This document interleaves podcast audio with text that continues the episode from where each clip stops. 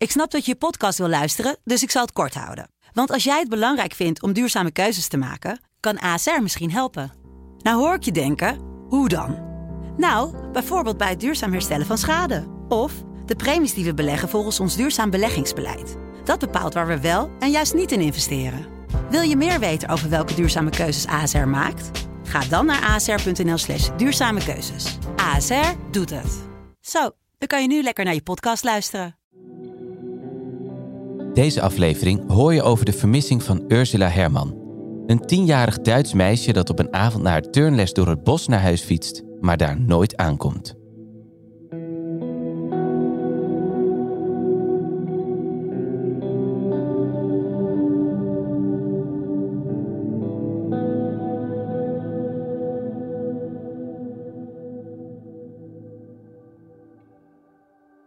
Dit is de podcast Ontvoerd. Mijn naam is Maya Noordam en ik zit hier samen met Kevin van den Berg.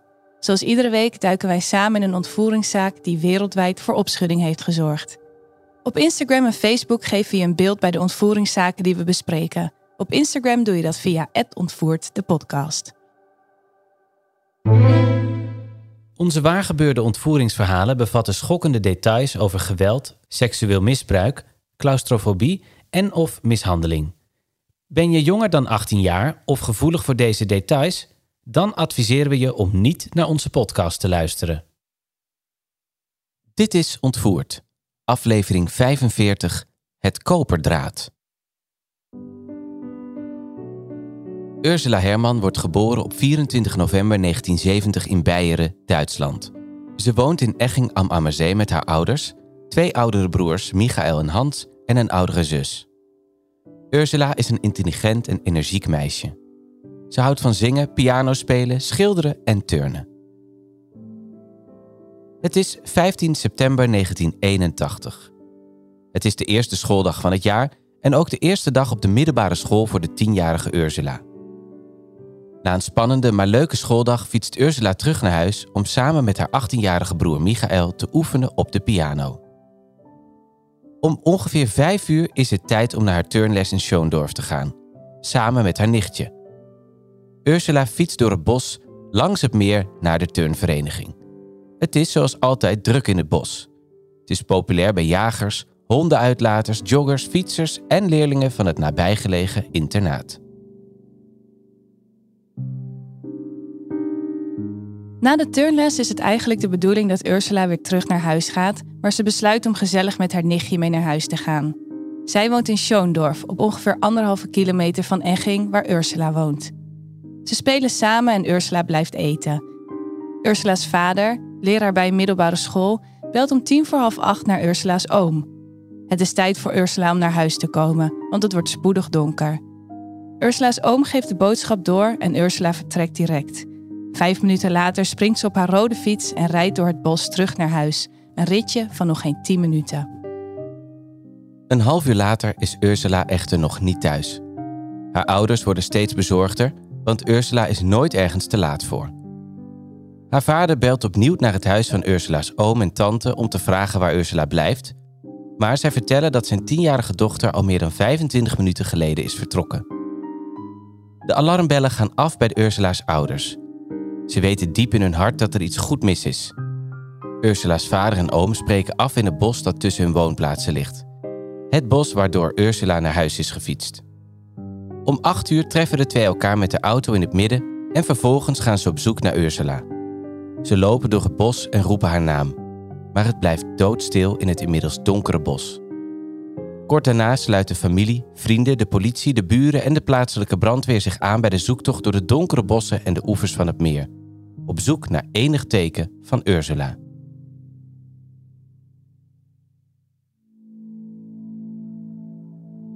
De volledige duisternis en de hevige regen maken het zoeken niet makkelijk.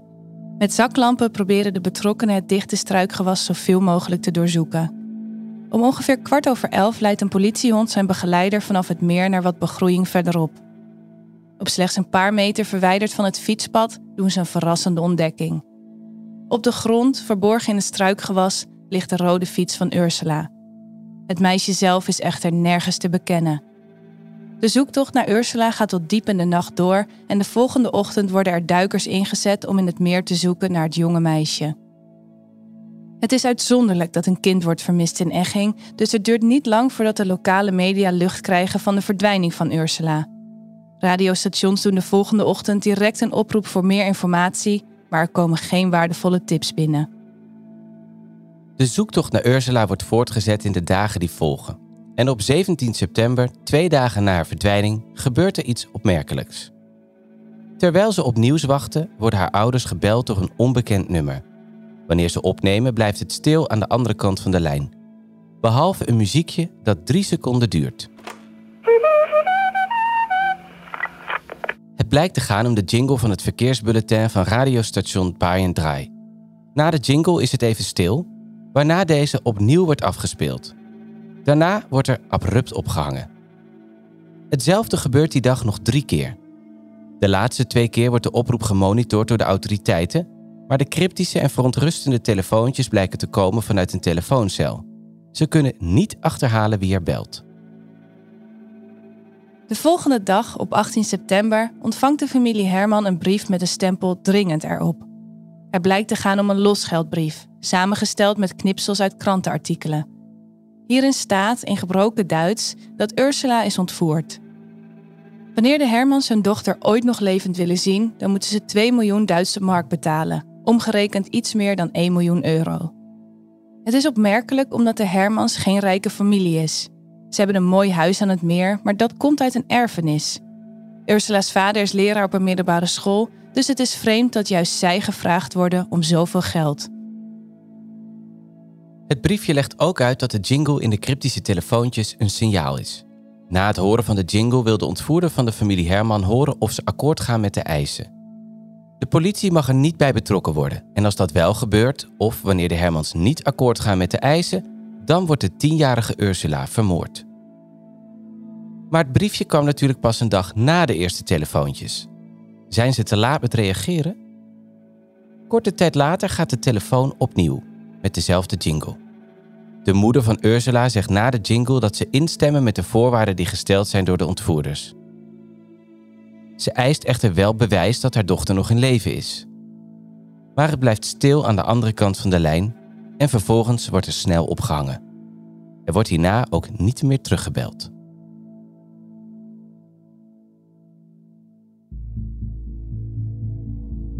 Drie dagen later, op maandag 21 september, wordt er een losgeldbrief bij het huis van de Hermans afgeleverd, waarin gedetailleerd staat beschreven hoe het losgeld moet worden betaald. Het geld moet in briefjes van 100 Duitse mark worden betaald en in een koffer worden gestopt. Vervolgens moet Ursula's vader deze koffer naar een nog onbekend afleverpunt brengen in een Fiat 600, een auto die op dat moment vrij zeldzaam is in Duitsland. De Hermans zijn dus geen bijzonder welvarende familie, maar een buurman slaagt erin om een deel van het losgeld bij elkaar te krijgen. De overheid belooft het restant te betalen. Het lijkt erop dat alles is geregeld. Het enige wat ze nu nog kunnen doen is wachten op bericht van de ontvoerders waar ze het geld naartoe moeten brengen. Maar de dagen verstrijken en twee weken later hebben de Hermans nog altijd niets gehoord van de ontvoerder van hun dochter. Geen telefoontjes, geen brieven, helemaal niets. De politie staat met lege handen. Daarom wordt er besloten om opnieuw het bos waar Ursula doorheen is gefietst te doorzoeken voor aanwijzingen. De politie splitst zich op in vier groepen voor een gecoördineerde en zeer grondige zoekactie. En dan, op 4 oktober om half tien, 19 dagen nadat Ursula verdween, vindt een politieagent iets stevigs onder wat aarde op de bosbodem, op ongeveer 800 meter van het fietspad rond het meer.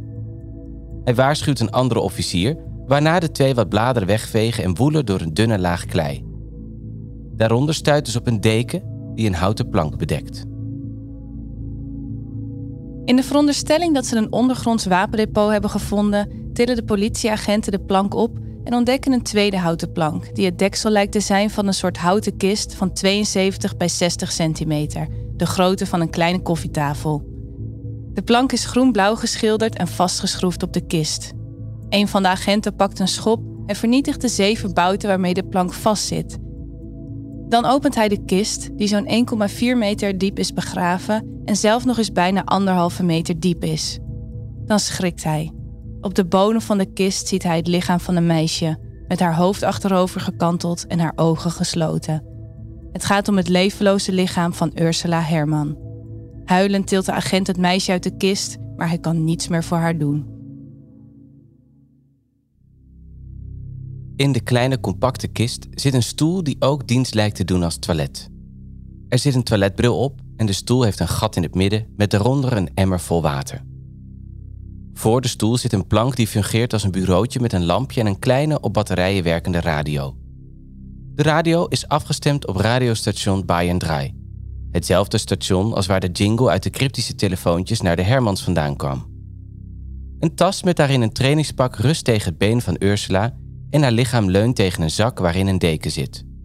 Verder vinden agenten in de kist drie flessen water, twaalf blikjes Fanta, een doos appelsap, vier pakjes boterkoeken, vier repen melkchocolade, twee repen Ritter sportchocolade, twee pakjes Juicy Fruit kauwgom en een verzameling van 21 boeken die allemaal onaangeroerd lijken te zijn.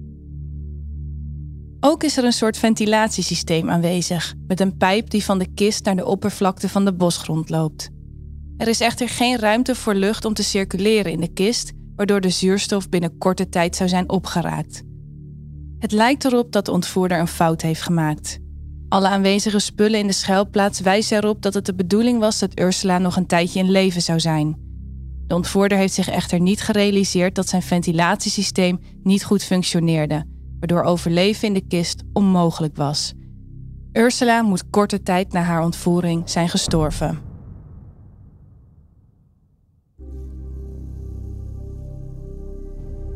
Na 19 pijnlijke dagen zonder nieuws over hun dochter, krijgen de Hermans het nieuws te horen dat het lichaam van Ursula is gevonden, begraven in een kist onder de bosbodem. Ze zijn kapot van verdriet. Ursula's moeder trekt zich terug en wil niemand zien. Terwijl haar vader de politie blijft vragen of zijn dochter iets is aangedaan voor haar dood. Autopsie in München wijst echter uit dat dit niet het geval is. Het onderzoek op haar lichaam toont aan dat ze niet is mishandeld of misbruikt, en dat ze tussen de 30 minuten en 5 uur nadat ze in de kist is geplaatst, is gestikt door de slechte ventilatie. De kist zelf blijkt maar liefst 60 kilo te wegen. Het is praktisch onmogelijk dat één persoon deze zonder enige vorm van gereedschap in het bos heeft kunnen plaatsen. De politie gaat er dan ook vanuit dat er meer dan één persoon betrokken is geweest bij de ontvoering van Ursula. Er worden in de kist geen tekenen gevonden van een worsteling of enige aanwijzing dat Ursula zich heeft verplaatst nadat ze in de kist is gezet. Er zijn geen krassen op de muur te zien die suggereren dat Ursula zichzelf probeerde te bevrijden of om hulp heeft geroepen, waardoor de politie gelooft dat ze mogelijk voor haar dood is gedrogeerd. Dit moet dan gebeurd zijn met lachgas, omdat er geen medicijnen in haar systeem worden gevonden en geen naaldafdrukken op haar huid. De patholoog ontdekt ook dat Ursula aan weerszijden van haar strottenhoofd twee verkleurde vlekken heeft, maar dit wordt op onbekende redenen niet verder onderzocht. Het lichaam van de tienjarige Ursula wordt een paar dagen later begraven in haar geboorteplaats. Haar familie is diep bedroefd en de lokale gemeenschap is geschokt. Kinderen konden voorheen zorgeloos buiten spelen, maar met een loslopende moordenaar is dit geen vanzelfsprekendheid meer. Ouders verliezen hun kinderen geen moment meer uit het oog. Ondertussen is de politie nog altijd op jacht naar Ursula's ontvoerder en moordenaar. Er wordt een vingerafdruk gevonden op een stuk ducttape en er wordt een gigantisch onderzoek gedaan waarbij er duizenden vingerafdrukken van de lokale bevolking worden afgenomen en getest. Er wordt echter geen match gevonden. Maanden verstrijken zonder enige aanwijzing.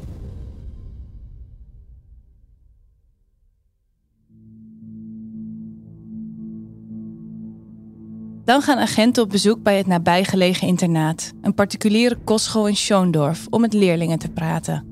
Daar melden twee studenten zich met een doos waarin een spoel met koperdraad zit. Terwijl de politie eerder zocht naar Ursula, werd bij haar fiets een stuk koperdraad gevonden. Wanneer agenten later besloten om dit toch verder te onderzoeken, bleek het draad verdwenen te zijn. De studenten vertellen dat ze zeven of acht maanden na de ontvoering, tijdens het achtervolgen van een uil door het bos, het snoer hadden gevonden dat tussen de bomen naast het pad langs het meer was gespannen. De jongens besloten om onbekende redenen om het draad naar beneden te halen, het op te meten op de atletiekbaan van de school en het te bewaren in een doos in een slaapzaal.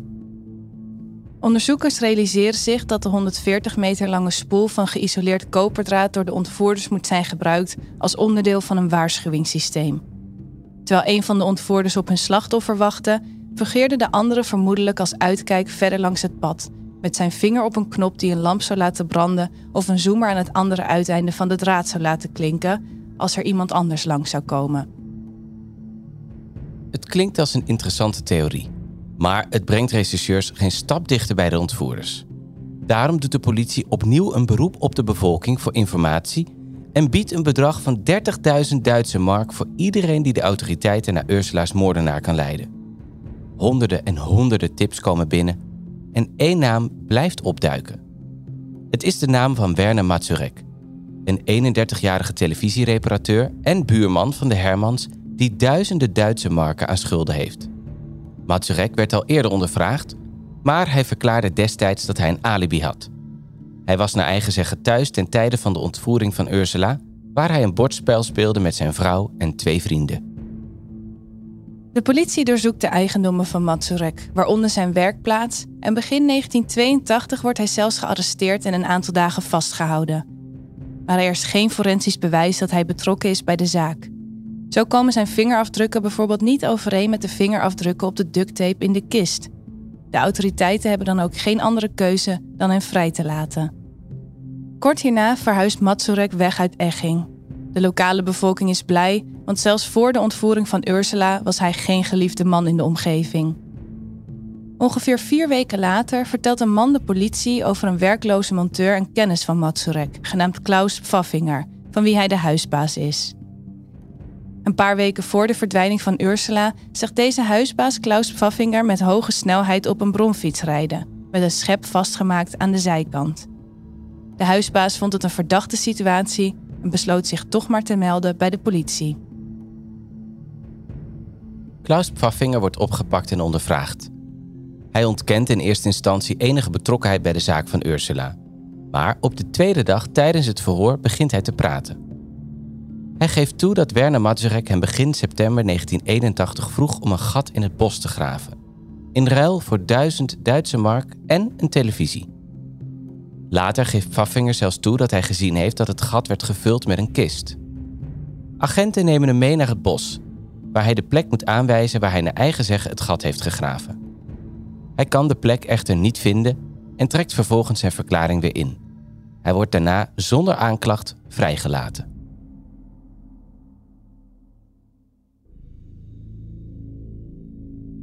Na deze doodlopende aanwijzingen loopt de zaak al snel vast. Pas in 2005, 24 jaar na de verdwijning van Ursula, wordt de zaak heropend. Vanwege de 30 jaar verjaringstermijn die bijna verstrijkt, willen onderzoekers een DNA-analyse laten uitvoeren op het losgeld, een aantal voorwerpen van de plaats delict en een haar die gevonden werd in de kist. De haar blijkt echter toe te behoren aan een forensisch technicus die destijds aan de zaak had gewerkt. Met de rest van het DNA wordt anderhalf jaar later een aantal DNA-profielen gecreëerd. Eén daarvan kan daadwerkelijk worden gelinkt aan een andere brute moord, die op garagehouder Charlotte Buringer in München in 2006.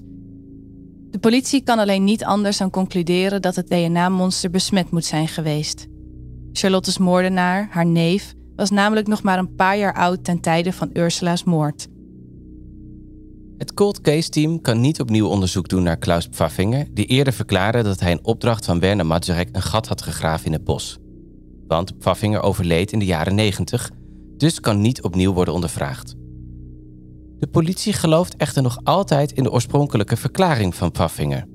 Hij gaf namelijk specifieke details in zijn verklaring, die alleen iemand die aan de misdaad had deelgenomen zou hebben geweten.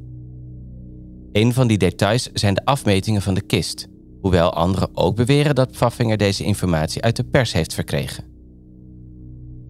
Het blijkt dat de politie de plaats delict destijds niet goed heeft afgeschermd, waardoor iedereen deze had kunnen bezoeken om te zien waar de kist begraven lag en hoe deze eruit zag. Pfaffinger had gemakkelijk de plaats delict kunnen bezoeken nadat Ursula was gevonden, of hij had van een kennis de details kunnen horen.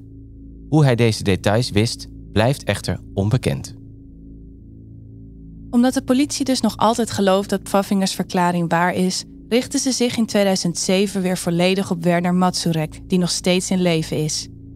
Met onder meer een undercover agent, afluisterapparatuur in zijn auto en het afluisteren van zijn telefoon zetten ze alles op alles om hem te laten bekennen. Tijdens een van zijn telefoongesprekken vangen ze op dat hij met een vriend de verjaringstermijn bespreekt in de zaak Ursula Herman. De autoriteiten slagen erin om een speekselmonster van Matsurek te verkrijgen. Zijn DNA wordt vergeleken met de monsters van de plaats delict, maar er is geen match. Ook wordt voor de tweede keer zijn huis doorzocht. Daar vinden rechercheurs een bandrecorder met audioafwijkingen, die later wordt overhandigd aan de Beierse politie.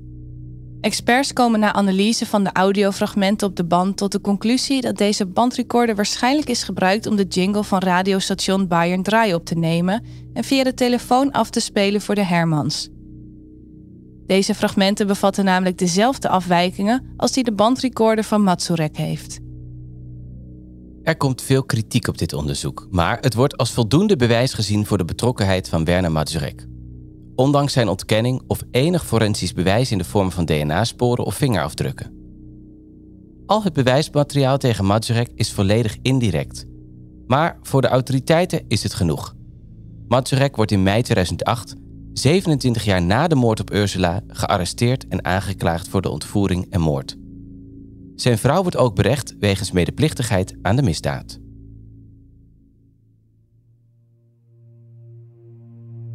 Het proces tegen Matsurek begint in februari 2009. De aanklagers hebben geen enkele moeite om getuigen te vinden die het slechte karakter van Matsurek bevestigen. Zelfs familieleden vertellen dat hij een opvliegend persoon is en niet erg geliefd. Hij was eerder al in aanraking gekomen met justitie wegens fraude en in 1974 wegens dierenmishandeling. Hij had destijds de familiehond in een vriezer gestopt omdat deze een vuilnisbak omver had gegooid. Het dier vroor vervolgens dood.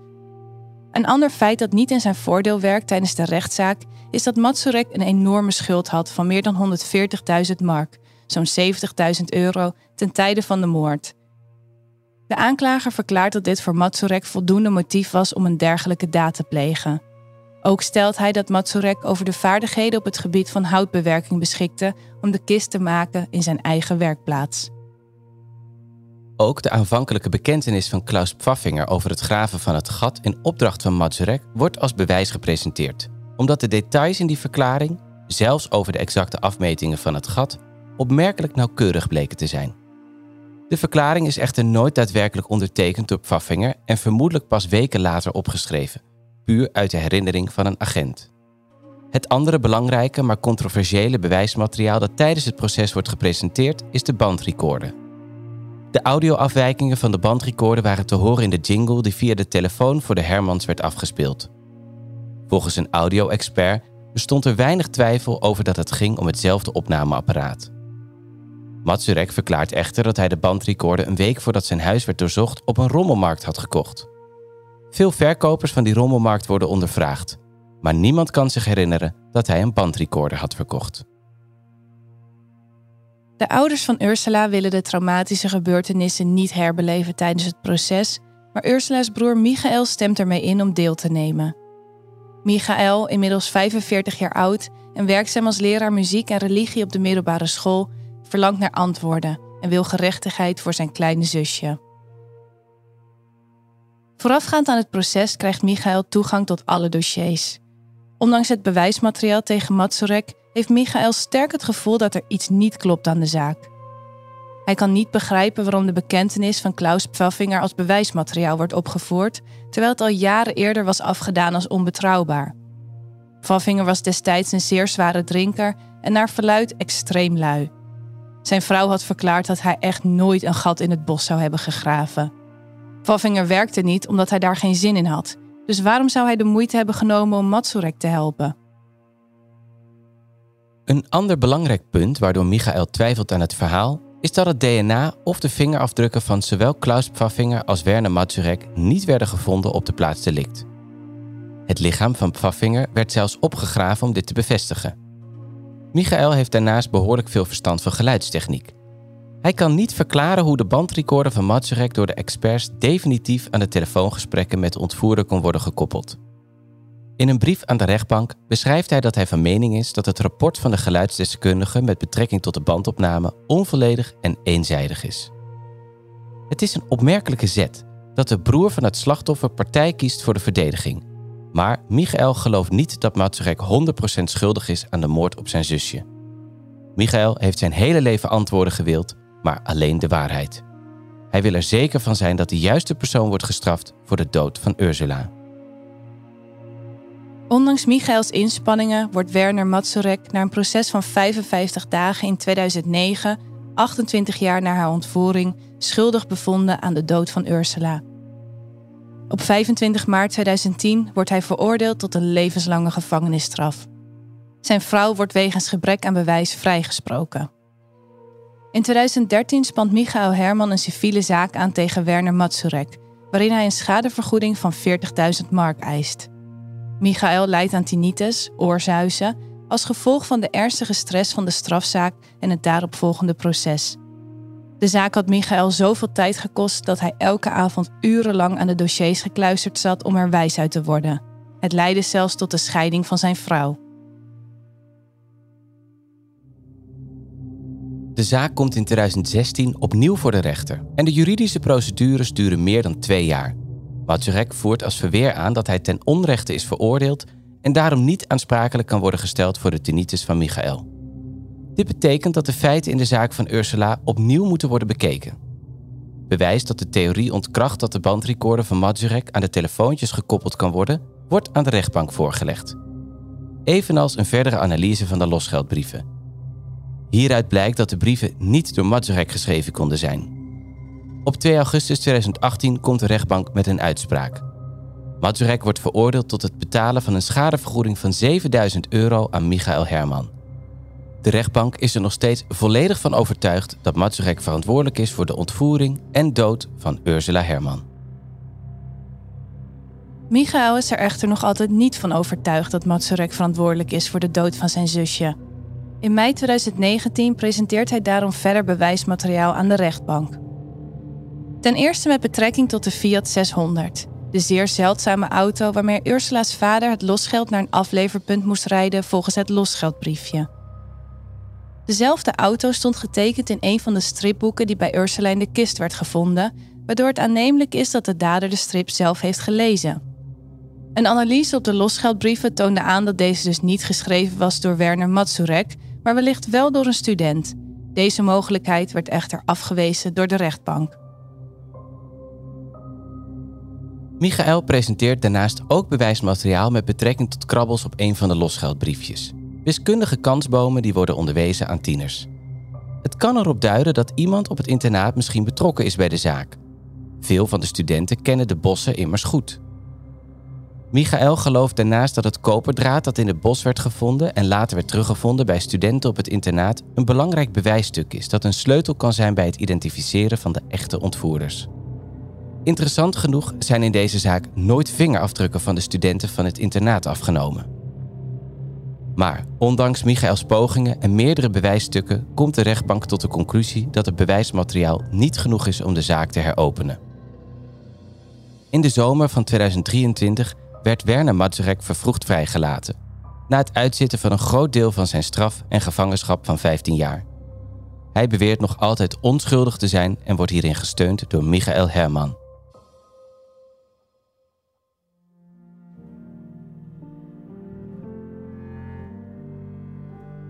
Er blijven nog veel vragen onbeantwoord in deze zaak. De familie Herman heeft er lang over gedaan om om te leren gaan met het verlies van Ursula. Haar ouders hebben geprobeerd om zich in de jaren na haar moord niet te laten verteren door de zoektocht naar de moordenaar van hun dochter. Ze praten nooit in het openbaar over Ursula, maar ze steunen naar verluid de acties van Michael.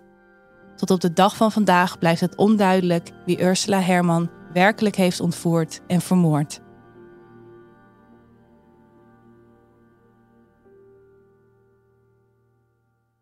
Tot zover het verhaal over de ontvoering van Ursula Herman. Wil je een beeld krijgen bij Ursula, haar broer Michael of de veroordeelde Werner Mazurek? Volg ons dan op Facebook of Instagram via het podcast. Maandag krijg je daar beeldmateriaal bij deze zaak. Volgende week vertellen we je over de zaak van Polly Klaas. Op 1 oktober 1993 werd het 12-jarige meisje uit Californië ontvoerd tijdens een slaapfeestje in het huis van haar moeder. Tot dan.